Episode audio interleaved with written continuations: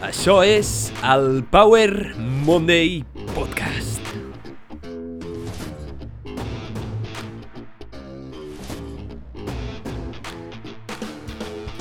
Benvinguts al Power Monday Podcast. Soc en Pau, el teu apassionat de salut, inspiració i ciència, i estic molt agraït de que estiguis escoltant aquest episodi. Estem vivint una epidèmia que està afectant terriblement a la humanitat. I no, no estic parlant de la Covid-19, sinó de l'epidèmia darrere l'epidèmia. L'epidèmia de malalties mentals que està afectant a la humanitat. Avui és dia 10 d'octubre i és el Dia Mundial de la Salut Mental. I per això, en aquest episodi, parlarem sobre la salut mental, els diferents trastorns, com trencar l'estigma i com pots reduir tu el teu risc de patir malalties mentals o millorar la teva salut mental gràcies a la ciència i eines validades al llarg de la ciència i la història. Aquest és un remake de l'episodi número 58 del Power Monday Podcast, però la seva importància fa que tingui ganes de repetir-lo, polir-lo una mica i enviar-lo a més gent. I a més a més, avui, sent el dia de la salut mental, crec que és més important que mai compartir aquest contingut. Així que, si us plau, comparteix. Com sempre, abans de començar aquest episodi, deixa'm fer-te un petit recordatori. Si us plau, si creus que aquest contingut té el potencial d'ajudar alguna persona, comparteix-lo i m'ajudaràs moltíssim a fer arribar més enllà la paraula Power Monday Podcast. Em pots trobar a moltes plataformes com Google Podcast, Apple Podcast, Spotify i moltes d'altres i ara també em pots trobar cada dilluns a Ràdio Manlleu de les 8 a dos quarts de 9 del vespre. Per últim, em pots trobar a Instagram, a Power Monday Show, on t'animo on em posis un seguir i també que em posis seguir i m'agrada totes les plataformes, sigui quina sigui la que m'estiguis escoltant. M'ajudaràs moltíssim a fer créixer i estar més enllà de l'algoritme i arribar més lluny. Sobretot, si pots fer alguna cosa, comparteix aquest episodi perquè crec que és sumament important. Aquest tema que parlarà avui aquest episodi, la salut mental, és molt important. Així que t'estaré molt agraït si alguna persona més escolta aquest contingut. Dit això, anem a parlar sobre malalties mentals i set factors per frenar-les. Som-hi! En funció de les dades d'incidència i de prevalència recents, els experts coincideixen en assenyalar que una de cada quatre persones adultes tindrà un problema de salut mental en algun moment de la seva vida.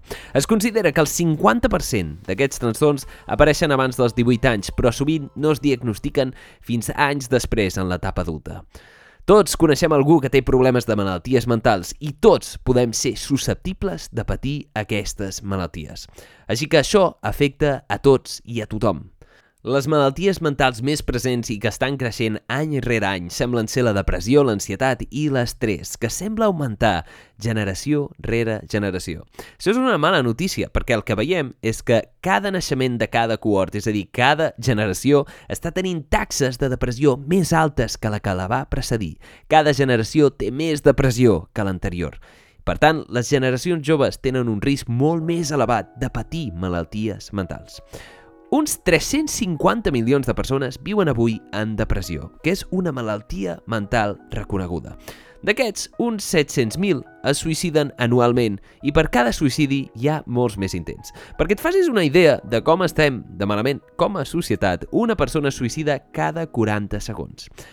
Per tant, tristament, en aquest episodi que espero que duri almenys mitja hora, s'hauran suïcidat unes 45 persones.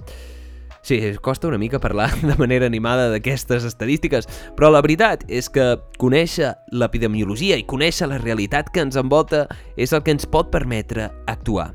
Una persona suïcida cada 40 segons, però això no és el pitjor de tot, i és que el pitjor de tot és que en els últims 45 anys el suïcidi ha augmentat un 60%.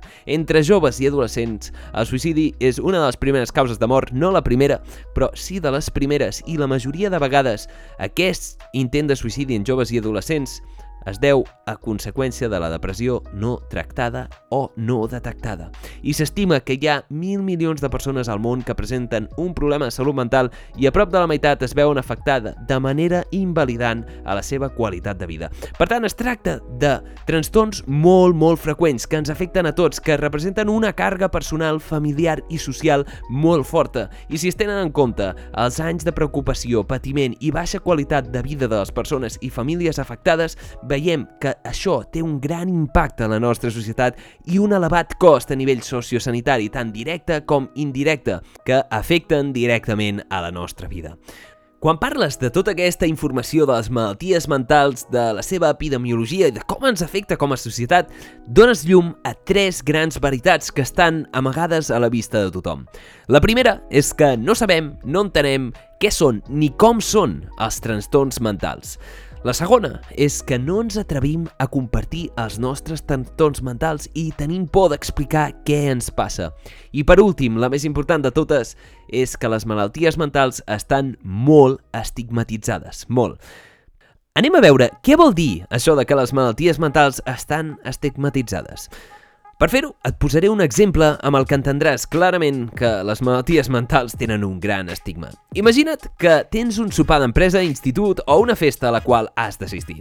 El dia de l'esdeveniment, tristament, et poses malalt i has de cancel·lar-ho. Quan truques o envies un missatge per cancel·lar el fet de que no et presentaràs a l'esdeveniment, què prefereixes dir? T'ofereixo dos escenaris possibles. Prefereixes dir que tens una pedra al ronyó o prefereixes dir que estàs deprimit i tens ganes de suïcidar-te i que per això no pots anar-hi? O prefereixes dir que t'has quedat pinçat de l'esquena o que has tingut un atac d'ansietat? Què prefereixes dir? Que tenies mal de cap o migranya o que has tingut un episodi de psicosis? Si prefereixes dir la primera situació a la segona en cada cas, tu, amic meu, estàs afectat clarament per l'estigma.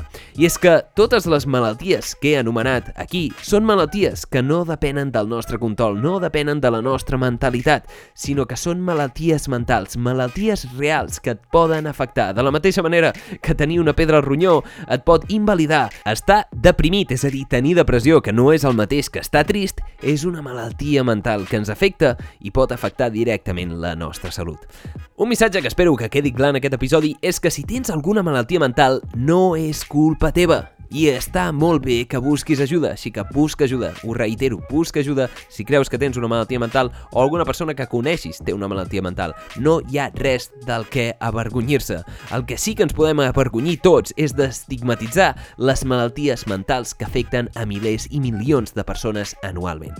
De la mateixa manera que la malaltia mental està estigmatitzada, la especialitat que està dedicada a tractar aquestes malalties, la psiquiatria, està molt estigmatitzada. Probablement la més denigrada, desconfiada i estigmatitzada de totes les especialitats mèdiques. La gent sembla que tingui por a parlar de psiquiatres o parlar amb el psiquiatre i fins i tot sembla que hi hagi cert moviment contra la psiquiatria, un moviment antipsiquiatria i jo no veig cap moviment contra la cardiologia que intenti rebutjar la cardiologia o l'oncologia. Però sí que la veritat és que hi ha un problema amb la psiquiatria, i és que es troben amb malalties altament complexes. Sembla que els psiquiatres no sàpiguen tractar aquestes malalties, però la veritat és que són molt complexes. Anem a entendre la complexitat de la psiquiatria posant, per exemple, la cardiologia. Si el cor ens falla, ens dona símptomes molt específics, com dolor de pit, la hipertensió o variables que podem mesurar. Però el cervell és infinitament més complicat que el cor o que qualsevol altre òrgan del cos. Per exemple, el cor és bàsicament una bomba composta per quatre cambres, una dotzena de vasos sanguinis i formada per 2.000 milions de cèl·lules musculars. En canvi, el cervell és una massa ondulada d'un teixit d'un quilogram i mig, composta per més de 100.000 milions de neurones que fan més de 30 bilions de connexions i formen una intrincada sèrie d'infinitat de circuits neuronals que simultàniament orquesten funcions bàsiques com la gana, la respiració, la regulació de temperatura, el moviment, de manera coordinada, però també, alhora, formen la teva personalitat, qui ets tu com a persona i emmagatzemen la teva capacitat de raó i les teves memòries. Així que sí, amic meu, el cervell és altament complex i la psiquiatria, quan intenta tractar problemes de salut del teu cervell, que és on es crea la teva ment, realment ho tenen, ho tenen dur, tenen una feina bastant dura. El cervell dona llum a la teva consciència i creativitat, però també és casa del teu esperit. Així que no és sorprenent que ens estigui constant tant entendre el cervell i els seus trastorns i com tractar-los. La ment està creada pel teu cervell. Si el teu cervell no està sa, si té un problema, és normal que la teva ment tingui una mala projecció i no funcioni bé. Per l'altra banda, la psiquiatria requereix un avanç i és una de les poques especialitats que no mira l'òrgan que tracta, perquè és un òrgan molt complex, però a més a més tenim com aquest efecte de caixa negra. És molt difícil observar el cervell des de fora. Tot i això, hem d'apostar per obtenir eines que ens permetin mirar aquest òrgan, per entendre'l i no tenir només teories. Per sort, s'està avançant moltíssim en el diagnòstic d'imatge i altres marcadors que ens permeten tenir un accés d'una manera indirecta a aquest òrgan tan preciós que crea la nostra vida, el nostre cervell. Però perquè entenguis les malalties mentals, tinc un altre exemple que t'ho deixarà molt clar. Un exemple que t'ajudarà a veure les malalties mentals d'una manera molt, molt clara. Ens podem imaginar el teu cervell com un ordinador. Hi ha qui diu que el cervell és l'ordinador més complex de l'univers. Però com a ordinador està constituït per dos parts, fonamentalment, per al software i per al hardware, o el que ve ser el programari i la part física. El hardware, que és la part física, construeix l'ordinador seria la placa base, la RAM, el ventilador i totes les parts físiques que el munten. En aquest cas seria el còrtex, el neocòrtex, l'hipotàlam, l'hipocamp, i llavors tindríem el software, que serien els programes, el sistema operatiu que utilitza el teu ordinador. En aquest cas, els pensaments recurrents, la personalitat, els records, les preguntes que fem, els bucles mentals en els que entrem, que consti que no sóc informàtic i espero no dir cap disbarat amb aquesta analogia, però el cervell pot fallar en dos sentits, en les dues coses. Pot fallar tant en el hardware com en el software. En el hardware, quan falla la part física, tenim un problema orgànic, un problema físic que farà que l'ordinador no vagi bé i que no vagi bé per molt que millorem el software. És a dir, és a dir, si ens falla la part física, si ens falla el hardware, per molt que millorem els nostres programes, els nostres pensaments, les nostres maneres de veure el món, si tenim un traumatisme cranioencefàlic que ens destrossa part del nostre cervell, per molt que utilitzem els millors programes en aquest planeta, tindrem dificultats perquè tindrem un problema de hardware. Sempre ajudarà, està clar, anar amb un millor sistema operatiu, millorar els programes que utilitzem perquè l'ordinador vagi molt ràpid. Però si el problema és de hardware, és a dir, de la part física, per molt que millorem el sistema operatiu,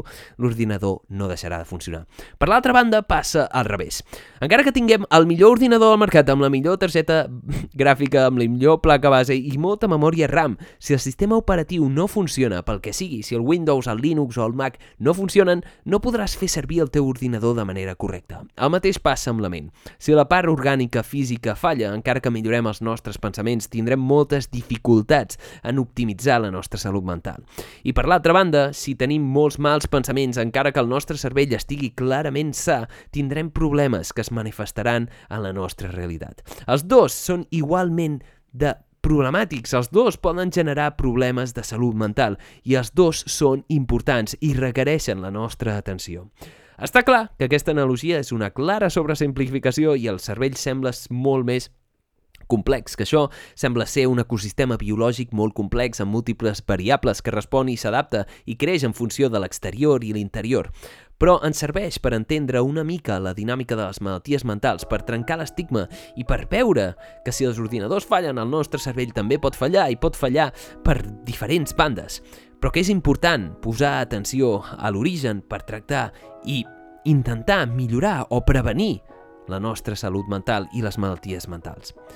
La clau és entendre que sí que hi ha coses que nosaltres podem fer per millorar tant el nostre software com el nostre hardware i que sobretot tindrem la capacitat d'actuar en els nostres software, en els pensaments i els hàbits mentals que tenim i ens poden permetre modificar a través de diferents pràctiques que et comentaré avui la nostra salut mental i el nostre risc de patir aquestes malalties. Però també podem modificar el hardware perquè es construeix i s'adapta a l'exterior, el que mengem, per exemple, els nostres hàbits i el que ens exposem. Per tant, el més important és això. Pots fer molt per millorar la teva salut mental. Pots fer moltes coses per millorar la teva salut mental i prevenir problemes que poden aparèixer en un futur.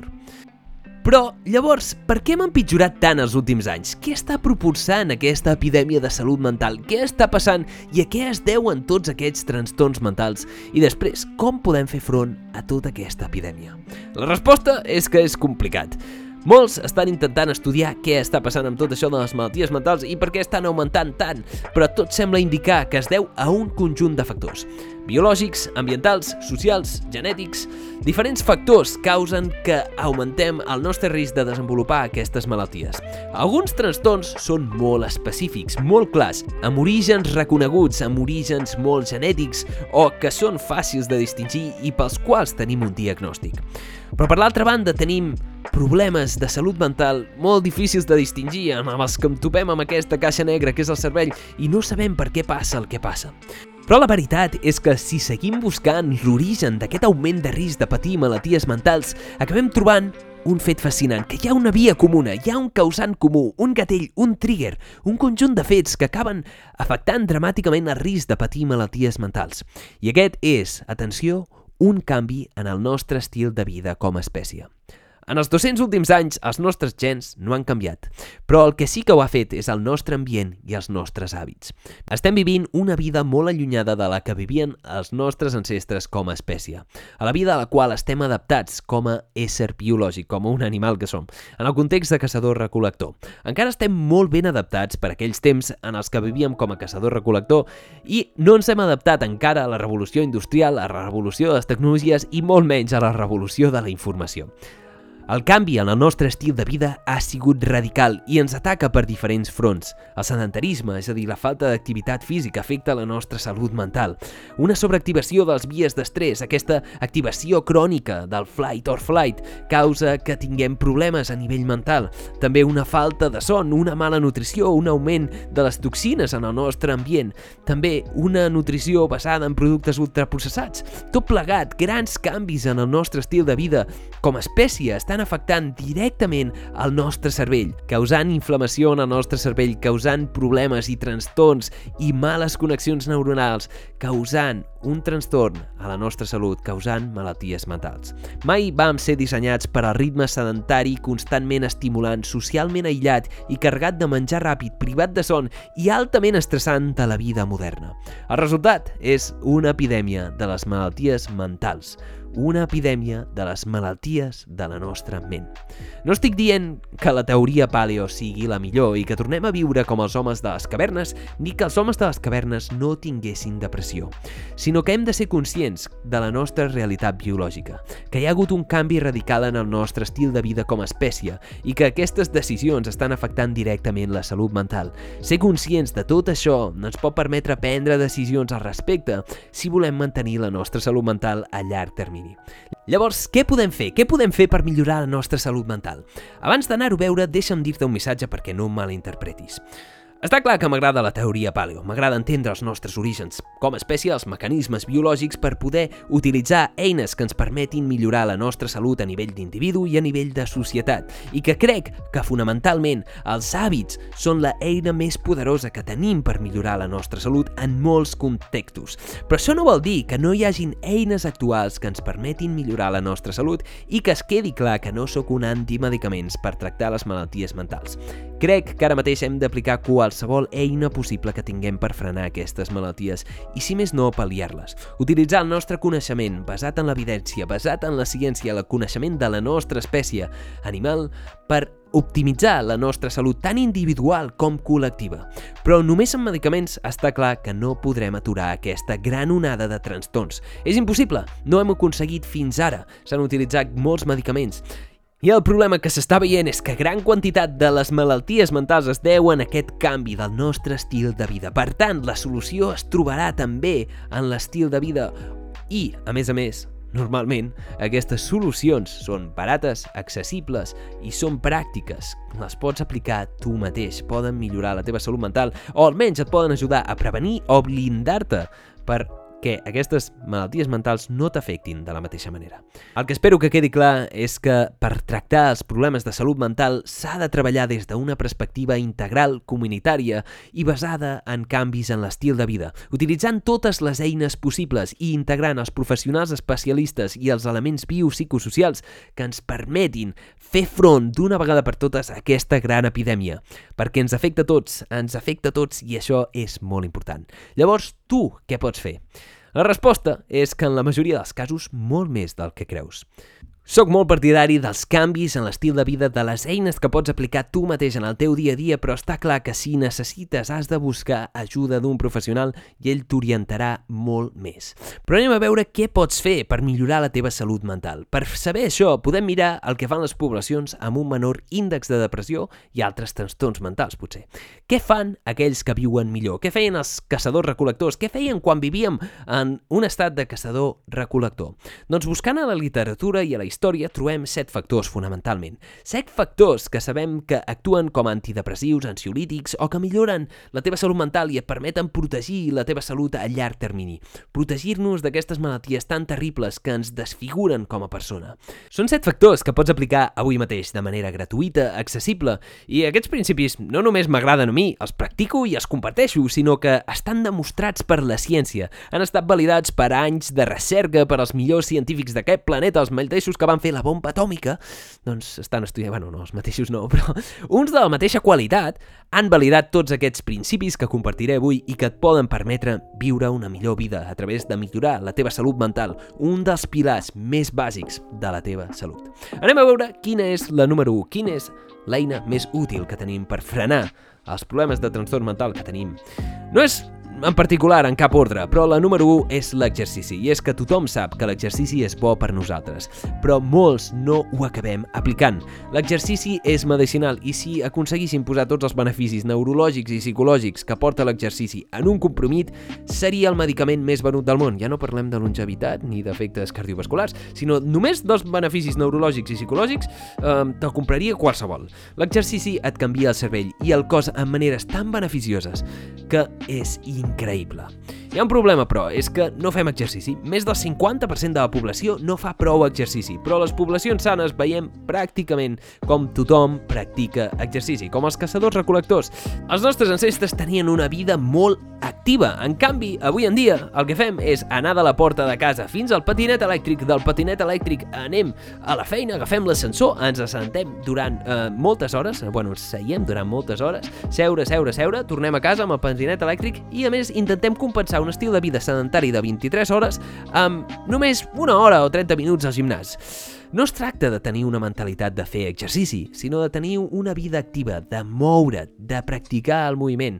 I és que estem dissenyats per ser actius, no per fer exercici.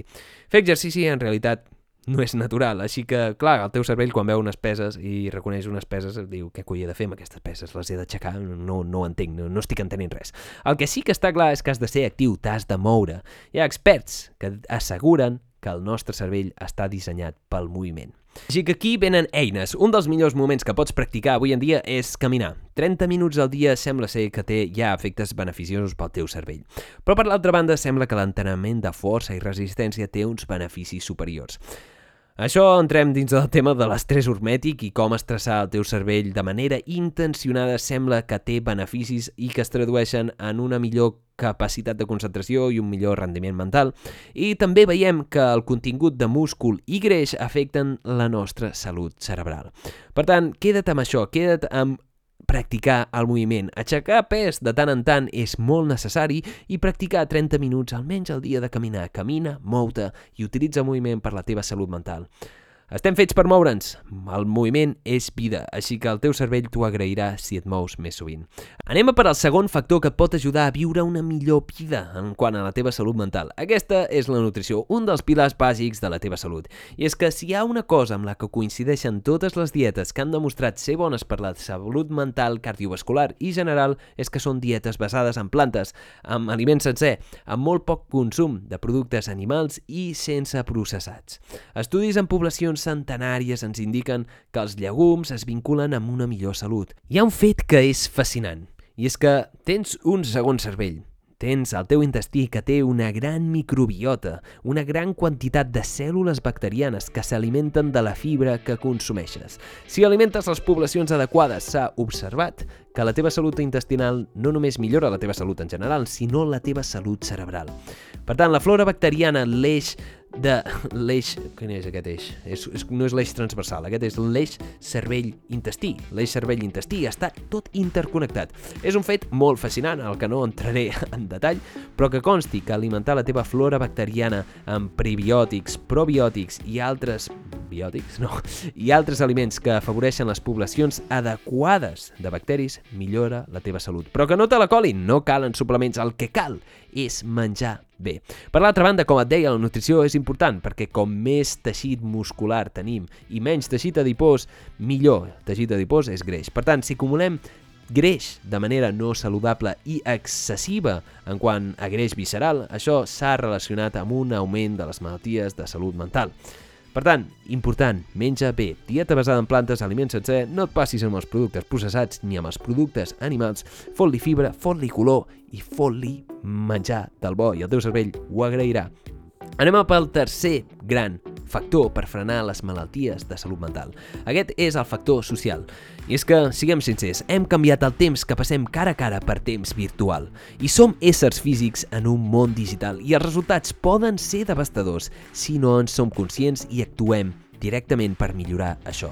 Ho hem vist amb el confinament com el risc de malalties mentals ha augmentat dramàticament. Els éssers humans som éssers socials i no som éssers virtuals. Vam néixer per connectar físicament amb altres humans, no en pantalles. La pandèmia ho ha maximitzat i això és molt important. Inverteix temps en contactes reals, en estar amb les persones que estimes i que t'estimen, present i físicament, i veuràs com la teva salut mental millora. L'aïllament és una de les principals causes de les malalties de salut mental. No et quedis sol, surt, busca amics, queda i fes coses amb els que t'estimes. Quedar físicament és poderós. Veuràs que sí, que passem molt temps a l'ordinador, molt temps a Instagram, i Instagram no és la realitat. No és la realitat, company. Ja sé que ho saps, ja sé que ho saps. Però, amics meus, si us plau, passem més temps en persona, compartim més bons moments amb les persones que estimem físicament sempre que puguem, recordant que el contacte per internet és un contacte útil i molt pràctic en aquesta vida que estem vivint i ens ha donat molts beneficis, però que no hauria de substituir completament i potser en cap part el nostre contacte social, que és un dels pilars fonamentals de la nostra salut. El quart gran pilar que ens permet fer front a les malalties mentals és dormir. En un episodi molt recent ja vaig parlar de dormir, l'hàbit més important de la teva vida perquè és el centre de reparació del teu cos i el teu cervell. El ritme circadià, molt lligat amb com fluctues al llarg de 24 hores, entendre que descansar és molt important tant per la teva salut mm, metabòlica com la teva salut mental. Es veu com quan menys dormim, menys vivim. Quan menys dormim, més risc de malalties mentals com la depressió, l'ansietat i altres grans tentons que afecten no només la teva qualitat de vida, sinó la teva quantitat de vida, el temps que vius i com el vius. Quan tu dorms, el teu cervell es neteja durant literalment 7-9 hores. I la mare naturalesa ha posat, després de milions d'anys d'història, aquest mecanisme per reparar el teu organisme. Aquí m'ha quedat el freestyle. Que consti que si vols més informació sobre dormir tens un podcast sencer. Anem molt ràpidament a per al cinquè factor. Aquest és l'exposició al sol, al bosc i a la terra, i és que aquests van molt ben donats de la mà. S'ha demostrat que el sol t'ajuda a produir vitamina D i que nivells baixos de vitamina D es vinculen, es vinculen, es vinculen directament amb un risc de depressió i altres malalties mentals. Per tant, exposar-te a la llum del sol és necessari per sintetitzar vitamina D, que és bo per la teva salut mental. Llavors, també, si pots fer-ho al bosc, molt millor perquè s'ha observat que hi ha ha diferents beneficis d'exposar-te a la naturalesa, tant per la teva salut cardiovascular com per la teva salut mental. Així que surt, vés a un parc i que et doni una mica la llum del sol, no et quedis tancat a casa, si us plau. Aquest és un dels problemes que veiem ara mateix amb aquest estil de vida sedentari i tan aïllat del nostre medi natural. El sisè factor important per la teva salut mental és la meditació i la gratitud, i és que en els últims anys s'han començat a utilitzar pràctiques que semblaven molt pseudocientífiques o inútils, però que ara s'han validat científicament i que han demostrat millorar la nostra salut mental. Mantenir una bona higiene mental és tan important com rentar-te les mans. Has de desinfectar els teus pensaments, començar el dia d'una manera similar, pot ajudar-te a sentir-te més centrat, concentrat a mesura que avança el dia i protegir-te de problemes de salut mental.